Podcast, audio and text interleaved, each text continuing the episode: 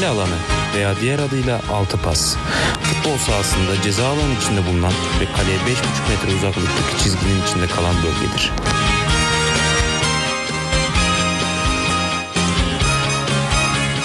Evet, Alt F4 Podcast'in sunduğu Altı Pasta'yız.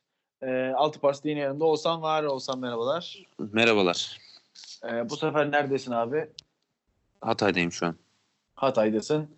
Bu hafta bir yoğun bir seyahat geçecek aslında. Bu hafta nerelere gideceğini söyle de var bir heyecan olsun bizim gibi yerinde oturan insanlar için. Aynen. Pazar günü Urfa'daydım. Ee, Hatay'a geldim hafta içi. Cuma günü İstanbul'a. Cumartesi günü de inşallah Abu Dhabi'ye yolculuğumuz var. Cumartesi uçak kaçta? Cumartesi 21.35. İyi tamam süper. Güzel. O zaman bu haftaki konsepti açıklayayım. Geçen bölüm aslında söylemiştik. Yani böyle daha önce hiç yapılmamış çok hani egzantrik, enteresan. Eminim hiçbirinizin görmediği şaşırtıcı bir konseptle burada 2019 ve 2010'lardaki en iyi oyuncuları aslında düşündük. Önce bir 2010'lar kadrosuyla başlayalım. Yani 2010 yılından 2019 yılına kadar Türkiye Ligi'nde oynamış en iyi 11'i düşündük. Tek tek mi söyleyelim yoksa hani şimdi mevkileri tek tek. Nasıl yapalım olsan seninle? Tek tek gidelim istersen. Mevki Kaleci- mevki yani. Kaleci Muslera abi. Kalecimiz Mustera. Evet ikimizin de Muslera kaleci. Evet. Sağ bek Sağ beke ben Gökhan Gönül'ü koydum. Gökhan Gönül. ne güzel aynı gidiyoruz. Sol bek Sol bekte Caner Erkin. Abi bu kadar aynı yani bundan sonra bak farklı olsun. Benim de Caner Erkin. Tamam. Ya bundan sonra zaten Evet. farklı olacaktır diye düşünüyorum. Evet evet kesin. Stoperler senin abi. Stoper ikilisini söyle. Stoper ikilisine e, Kea birinde e, yanında da Sivok var. Wow. Ben de Marcelo'yla e, Uşfalusi yazdım. Faluji. E, Uffalusi de olabilir. E, herhangi bir yok Herkes yani onu sö- adam gidene kadar söylemeyi öğrenemedi kimse zaten. Yani bunları niye seçtiğimizden bahsedelim istersen. Bir yani Muslera'yı zaten Muslera Gökhan. Caner'i bence açıklamamıza gerek yok. Kime sorsak muhtemelen bunları söylerdi ama ben. Marcelo'yu özellikle Beşiktaş'ın hani o şampiyonluk döneminde çok önemli bir katkısı olduğunu düşünüyorum. Gerek Avrupa'daki başarıda da. İşte Uffalusi de aynı şekilde Galatasaray'ın e, o zaman işte e, işte savunmasını toplayan adamdı. Yani açıkçası daha iyi performans gösteren birini bulamadığım için de ben işte hı. dedim. Aynen ben de e, yani daha çok e, uzun süre istikrarlı bir şekilde oynamış futbolcuları tercih etmeye çalıştım. O yüzden e, aklıma Sivok geldi. E, 2009 ve 2008 yılından 2015 yılına kadar oynadı Beşiktaş'ta uzun süre. E, onu o yüzden tercih ettim ve ülkemizde stoper e, konusunda bir istikrar olmadığı için e, son dönemde gelen en iyi stoperlerden bir tanesi e, Simon Kea'ydı yani. E, o yüzden onu tercih ettim. Peki senin orta sahan kaçtı abi benim üçlü? E, orta yani dizilişim e, 4-1-3-2 şeklinde. Tamam Yani okey. O e, zaman ön, li- ön liberom var şu an. aynen benim ön böyle Atiba senin. Melo var bende. Melo tamam. Ben Atiba'yı niye seçtiğimi söylersek yine hani Beşiktaş'ın hani Atiba gelmeden öncesi ve Atiba geldikten sonrası olarak çok net ikiye ayrılıyor zaten takım. Evet. Hani şu anda bile hala hani kaç 35 yaşına geldi ve hala 2019 yılında bile takımın önemli oyuncusu ben Atiba'dan başkasını düşünemedim açıkçası. Evet. E, ben de Melo yani çok ciddi bir iz bıraktı. E, oynadığı dönemde. Oynadığı 4 sezonda e, Galatasaray'da. E, skor olarak da katkı verdi. Enerji olarak katkı verdi. E, oynanan sezon olarak baktığımızda tabii Atiba'nın sezonu daha fazla. E, ama ben a, tabii Atiba da aklıma geldi. E, hani yazıp sildiğim futbolcular var. Onlardan bir tanesi Atiba'ydı. E, o yüzden Atiba'da tabii tercih edilebilir. Benim taktiğim 4-3-3 o yüzden orta üç, üçlüyü söyleyeyim istersen. Tamam. Atiba'nın yanında Selçuk İnan ve Emre var. tamam. Hani her ne kadar Selçuk İnan son 3-4 yıldır yerin dibine girmiş ve futbol oynayamıyor halde olsa da abi. Sonuçta 2010'ların ilk 5-6 yılının en iyi orta sahasıydı muhtemelen. Hem Trabzon hem üstüne Galatasaray'la. Hı hı. Emre Belezoğlu da aynı şekilde önce Fenerbahçe sonra Başakşehir sonra tekrar Fenerbahçe'de yaptıklarıyla bence buraya girmeyi hak etti. Evet. E, Emre bende de var. E, Emre'yi bir- hani önde gibi hı. Hani dizilişte önde görünüyor biraz da. Evet abi. Senin senden devam edelim. Senin taktiğe göre gidelim. Tamam. E, onlar yani Melo'nun önünde Sosa, e, Snyder ve Emre var. Hmm. O şekilde. Aynen 3 tane şey yapmışsın evet. Tamam forveti de alalım senden. Ben de benim de ileri üçlü var çünkü onları söyleyeyim. Ee, ileride Burak ve Drogba. Şöyle ben de Burak'ta kalmıştım.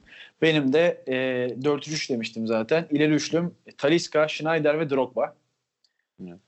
Yani Taliska'yı açıkçası Taliska mı Alex mi arasında kaldım. Çünkü ikisi de birer sezon yani Alex'in ama hani 2010-2011'deki bir sezonu çok iyi bir sezon değildi. Şimdi yine göre işte sonrası 11-12'den aynı şekilde. Ee, ama Taliska olduğu süre boyunca muhteşem futbol ortaya koydu. O yüzden Taliska'yı tercih ettim. Schneider'i söylemem gerekiyor. Zaten bence Türkiye'ye gelmiş en yetenekli oyunculardan biri. Onu o yüzden aldım. Drogba da yine Drogba'yı da açıklamaya gerek olduğunu düşünmüyorum. Evet yine bu 2010'lar. kadrolarımız 2010'lar kadrolarını da 2019 kadrosunda yine Twitter'da Instagram'da zaten paylaşacağız. Oralardan da açıp görerek tabii daha yakın takip edebilirsiniz. 2019'a geçelim abi. Evet. 2019'da benim taktiğim e, 4-3-2-1 gibi hani iki Hı kanat. Senin ne Hı. abi taktik? 4-2-3-1 iki kanadım var aynen. 4-2-3-1. Tamam o, o, o zaman yine benzer taktikler. Tamam ben e, kaleciden başlayayım. Ben Uğurcan Evet. Çakır dedim. Uğurcan dedin. Ben Mustera dedim. Heh, tamam. Farklı olsun abi yeter ya. Aynen yok Mustera dedim. Sağ bek Sağ bek Kaysara. benim de Kaysera. Sol bek Solda Caner var. Benim Rize'den Melnyak var. Menyak var. Ben hatta orada bir Novak'la Melnyak arasında kaldım ama e, Novak bir de sezonun önemli bir kısmını sakat geçirdiği için ben Melnyak alayım dedim. Her ne kadar o da Melnyak da bu, bu sezonu iyi başlayıp sonradan sıkıntılı anlara geçiriyor olsa da Melnyak'ı aldım. E, o stoperlere gelelim abi. Stoper ikinci say istersen. Stoper'de e, Marcao ile Eproyano var. Ben de aynı şekilde Eproyano'yu aldım. Yanına yeni Malatya'dan Mina'yı aldım. Sen niye aldın abi o ikiliyi? E, Eproyano hem e, çıktığı maç sayısı e, sezon sonuna kadar e, ciddi sayıda maça çıktı. E, artı buna ek olarak da skor katkısı da verdi diye biliyorum ben. E, ondan dolayı tercih ettim Eproyano'yu. E, Marcao'da özellikle ligin ikinci yarısında e, Luyendama ile birlikte e, çok iyi bir ikili olmuşlardı şampiyonluğu getiren e, maçlarda. E, ondan dolayı Marcao'yu tercih ettim. Ben de Epriano'yu tercih etmediğim şuydu abi. Epriano'nun ne kadar önemli bir oyuncu olduğunu Başakşehir'in işte geçen sene şampiyonluğun son haftalarında Epriano gittikten sonra düştüğü halde gördük. Evet. Hani muhtemelen Epriano olsa belki de çok yüksek ihtimal şampiyon olacaklardı zaten. Hani o yüzden Epriano bence şu an ligdeki en iyi stoperlerden biri. Yani şu an olmayabilir belki ama en azından 2-3 yıldır öyle. Mine'ye de yanına şundan koydum. Ben istikrarlı bir stoper performansı bulamadım abi. Yani göremedim Türkiye'de 2019'da. Hem de Mine gerçekten benim beğendiğim bir oyuncu. Her ne kadar o da istikrarsız olsa da ve bazı yetersizlikleri olsa da işte fiziğiyle, gücüyle, kuvvetiyle, attığı e, kafa golleriyle, vücudunu kullanmasıyla falan benim beğendiğim oyuncu. O yüzden Mine'yi aldım. Evet. Orta sahaya geçelim abi. Sen yine orta sahanı say ve sonra niye aldığını söyle bize. Evet. Orta sahada e, Fernando ve Emre var. E, Niye Fernando ya Fernando gittikten sonra Galatasaray'ın başına gelenleri bu sezon görüyoruz. E, gerçekten orta saha toparlanmayan bir orta saha var. Yani dünya şampiyonu kadrodan bir Enzonzi gelse de ya işte çok pahalı bir transfer olan seri takıma gelse de orta saha düzelmedi. E, o yüzden Galatasaray orta sahasını çekip çeviren geriyle ileri arasındaki bağlantıyı kuran bir futbolcuydu. Fernando'yu alma nedenim bu. E, Emre de e, yaşına e, nazaran e, ligin en iyi orta sahası olduğunu gösterdi geçen sezon. Kesinlikle. E, seven sevmeyen herkes e, Emre'nin ne kadar iyi bir futbolcu olduğunu her gün farkına varıyor yani. Geçen sezonun ikinci yarısında özellikle e, çok etkiliydi. E, o yüzden e, Emre Belözoğlu'nu da seçtim yani. Çok net. Benim orta saha üçlü yine. Benim Mahmut Ozan'la İrfan Can'ı seçtim. Evet. Mahmut'u niye seçtim dersen biraz hani açıkçası defansif kaldı. Hani burada bir fantezi kadro yapıyoruz ve biraz hücumcu bir kadro bekler insanlar ama Mahmut gerçekten hani bir defansif orta sahadan istenebilecek her şeyi yapan bir oyuncu. Ve yine Başakşehir'in başarısında en önemli payı olan oyunculardan biri yine Puryan'la beraber. O yüzden ki zaten uzun süre Mahmut ve Puryan stoper ilgisi oynadılar ki Mahmut'u oraya çekip daha ofansif orta saha yapmayı düşündüm ama Mina'yı silmek istemedi canım. Mahmut o yüzden burada Ozan hem geçen sezonun ikinci yarısı Alanya'daki toparlanmasıyla hem de Fenerbahçe'nin bu sezon bence en iyi o- o- oyunculardan biri olmasıyla Ozan'ı aldım. Yanına da İrfan Can mı Sosa mı arada kaldım ama İrfan Can'ı aldım abi. Çünkü İrfan Can da yine hani işte ismi Avrupa ile geçen işte e, Avrupa'daki kulüplerle geçen oyuncularımızdan biri ve çok yetenekli olduğunu düşünüyorum. Yine İrfan Can'ı alıp ortada bir e, kontrol üçlüsü kurdum. Bir Aykut Kocaman Fenerbahçe edasıyla. Evet. Evet abi gelelim şimdi senin taktik nasıldı? 4-2-3-1'de şu an. 4-2-3-1'di tamam. Sen Aynen. orta, e, ileri üçlüyü söyle forvet hariç. Ee, İleri üçlü ortada Belhanda var. Solda Onyekuru var. Sağda da Edin Visca. Evet abi niye aldığını söyle o zaman. Ee, birincisi Onyekuru'dan başlarsak e, Onyekuru gerçekten yani Türkiye'de e, aranan sol kanatlardan bir tanesi. E, topu alıp dikine gidebilen, gol atabilen ve geçen sezonda e, bunu gösterdi. Galatasaray'ın şampiyonluğunda çok net pay sahibi oldu. E, yine Fernando gibi e, bu sezon aranan oyunculardan bir tanesi. E, Onyekuru o- yüzden aldım. E, Belhanda da e, bu sezon her ne kadar performansının çok uzağında olsa da geçen sezon e, Feguli ile birlikte özellikle e, şampiyonlukta etkin e, payı vardı. E, Belhanda'yı da bu yüzden aldım. Visca'da zaten e, Başakşehir'i şampiyonluğa taşımaya çok yaklaşan e, futbolculardan bir tanesiydi. Yani e, özellikle savunmada Eproyanu, e, işte ileride Visca'nın e, çabası, e, Emre Belezoğlu'nun performansı. E, bu futbolcular e, Başakşehir'i şampiyonluğa taşımaya çok yaklaşmıştı yani. O yüzden e, en iyi olduğunu düşündüğüm futbolcular bunlar. Anladım abi. Benim de yine e, 4-3-2-1'in kanatlarını söyleyeyim. Sağ kanat Visca sen de aynı şekilde. Ekstra açıklamaya gerek yok. Ben sol kanatta Envakame'yi düşündüm. Yani Onyekuru'yu ben de düşündüm ama Envakame'nin hem geçen sezondaki hem bu sezondaki inanılmaz performansı var. Yani bunu şey yapamadım. e, bir kenara koyamadım. Çünkü Trabzon'un iki yıl işte geçen sezondan beri en önemli hücum silahı çok net bir şekilde. O yüzden Envakame'yi koydum. Gelelim Santrafor'umuza. Santrafor'da kim var? Santrafor'da Burak var benim de. Benim Vedat Muriç var abi. Sen niye Burak'ı aldın? Evet. Burak ikinci yarıda e, tekrar dönüş yaptı Beşiktaş'a. E, Trabzonspor'la sıkıntılı bir süreç geçirmişti. E, yani o eksiğini hem yaşına bakarsak hem de e, maç eksiğini e, çok iyi bir şekilde kapatıp ligin ikinci yarısında yanılmıyorsam e, 11 gol attı diye biliyorum ama Hı, Ee, evet. evet. On- evet. Onu geçmişti ama tam onun üzerindeydi aynen. E, o yüzden e, çok çabuk toparlanıp e, Beşiktaş'a da çok iyi katkı verdiğini düşündüğüm için Burak'ı aldım. Süper. Ben de Vedat Muriç. Niye Vedat Muriç dersin? Vedat Muriç de geçen sene Rize'nin o ilk yarı e, lig sonuncusu oluşundan ikinci yarı ki neredeyse Avrupa e, şey e, kupaları şeyini girecek performansını en önemli oyuncuydu zaten Vedat Muriç. Ve yine orada da Burak Yılmaz gibi 10 golün üzerine çıkmıştı bir devrede. Bu sezonda şu an Fenerbahçe'de de yine 10 golü var ve toplam 20 golü geçmiş durumda 2019 yılında Türkiye Süper Ligi'nde. Ben bu yüzden Vedat Muriç'ten başkasını düşünemedim Forvet'te. Evet. Evet bizim 2019 ve 2010'lar kadromuz bunlar. Üzerine biraz şey goy goy yapalım abi. En kötü transferler senin aklına kim geliyor 2010'larda? Ee, 2010'larda ya Galatasaray'da Misimovic transferi vardı. 2010'lara girdiğimizde. Oo, çok kötüydü. Galatasaray'ın e, felaket sezonunda e, aklıma ilk gelen o. Misimovic var. Başka e, Tabata transferi ne zamandı? Bakayım abi hemen O tabağı da- ne zamanmış. O da aynı sezon olabilir belki de. Hemen bakıyorum. Rodrigo Tabata. Tabata Tabata. Bulamadım. Neyse benim aklıma Guiza geldi ama Guiza ne zaman ondan da şuradan. Tabata'ya bakıyorum abi evet, 2011'de Beşiktaş'tan gidiyor. Tamam, Aynen. Bir sene bir sene orada durmuş. Sıkıntı yok. Aynen, bir sene dayanabilmiş. Onun haricinde e, Krasic transferi var. Oo. Oo. aklıma gelen. Ee, hani gerçekten içim sızlıyor bu futbolcuların isimlerini söylerken. Gerçekten çok kötü. Guiza'ya bakıyorum. Evet Guiza da yine 2011'de gitmiş abi. Yani 14 milyon euroya alınıp bedelsiz yollamak. Ve yani iki sezonda çok inanılmazdı. Guiza gerçekten tarihin en kötü transferlerinden biri olabilir. Öyle. Ben buraya şeyi de katacağım. Ee, Cagney'i de katacağım açıkçası. Yani her ne kadar hala Galatasaray futbolcusu olsa ve hala bir umut olsa bile sonuç olarak ben Cagney'in 5 vermez futbolcu olduğunu düşünüyorum. Aynı senin gibi. O yüzden çok sanmıyorum ki şey olsun. işe yarasın Cagney'de bu saatten sonra. Cagney fiyatından dolayı bu arada Cagney olarak şey yapıyorum.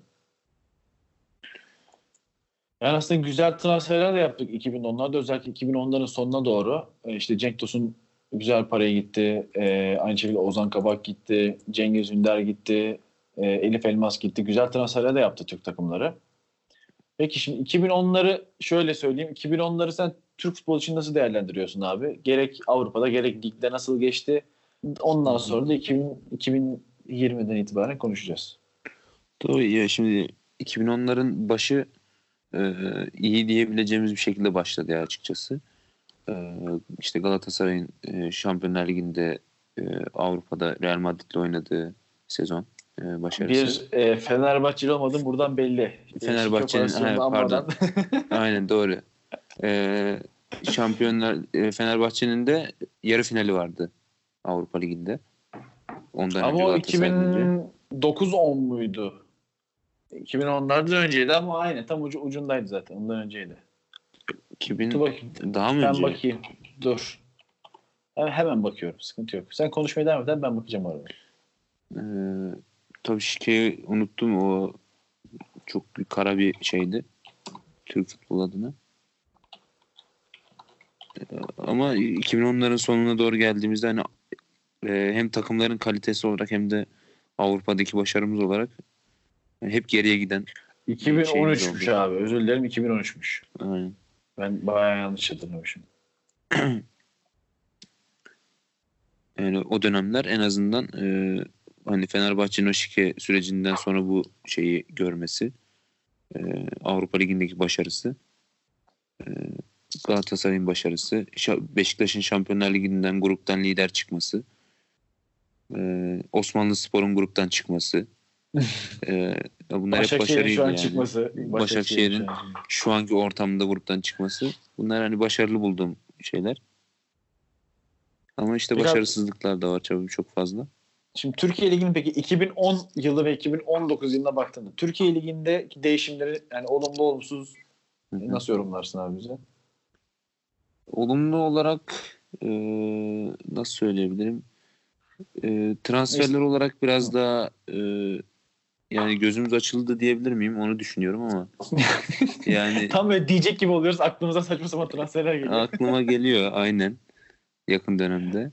E, artık biraz daha e, ya, yani kaliteli, kalitesini ispat etmiş futbolcuların biraz daha erken yaşlarda gelebildiğini hani gördüm aslında. E, çok fazla bunamadan açıkçası e, gelebiliyorlar Türkiye'ye. Ama çok fazla maliyet e, artırmaya başladık mesela ligde e, oyunculara verilen. Yani bu konuda hiç akıllanmadık. Ama ligin kalitesi hep geriye doğru gittiğini düşünüyorum. E, seyir zevki futbol olarak. E, yani umarım 2020 yıllarında, 20'li yıllarda diyemiyorum 2020'li yıllar. 2010'lu yıllar diyorum, 2020'li yıllar diyemiyorum şu an. Birkaç seneye alışırız. Aynen. Umarım daha iyi olur yani. Abi ben de kısa bir yorum yapayım zaten sana bu soruyu sorarken bir fikrim vardı o yüzden sordum. Şey hani e, şimdi şöyle bir şey düşünelim. Hani bir ligde şampiyonla oynayan hani şampiyon olabilecek 7 ihtimal olan 7-8 tane takım olduğunda o ligin heyecansız olması saçma gelir değil mi dışarıdan baktığımızda?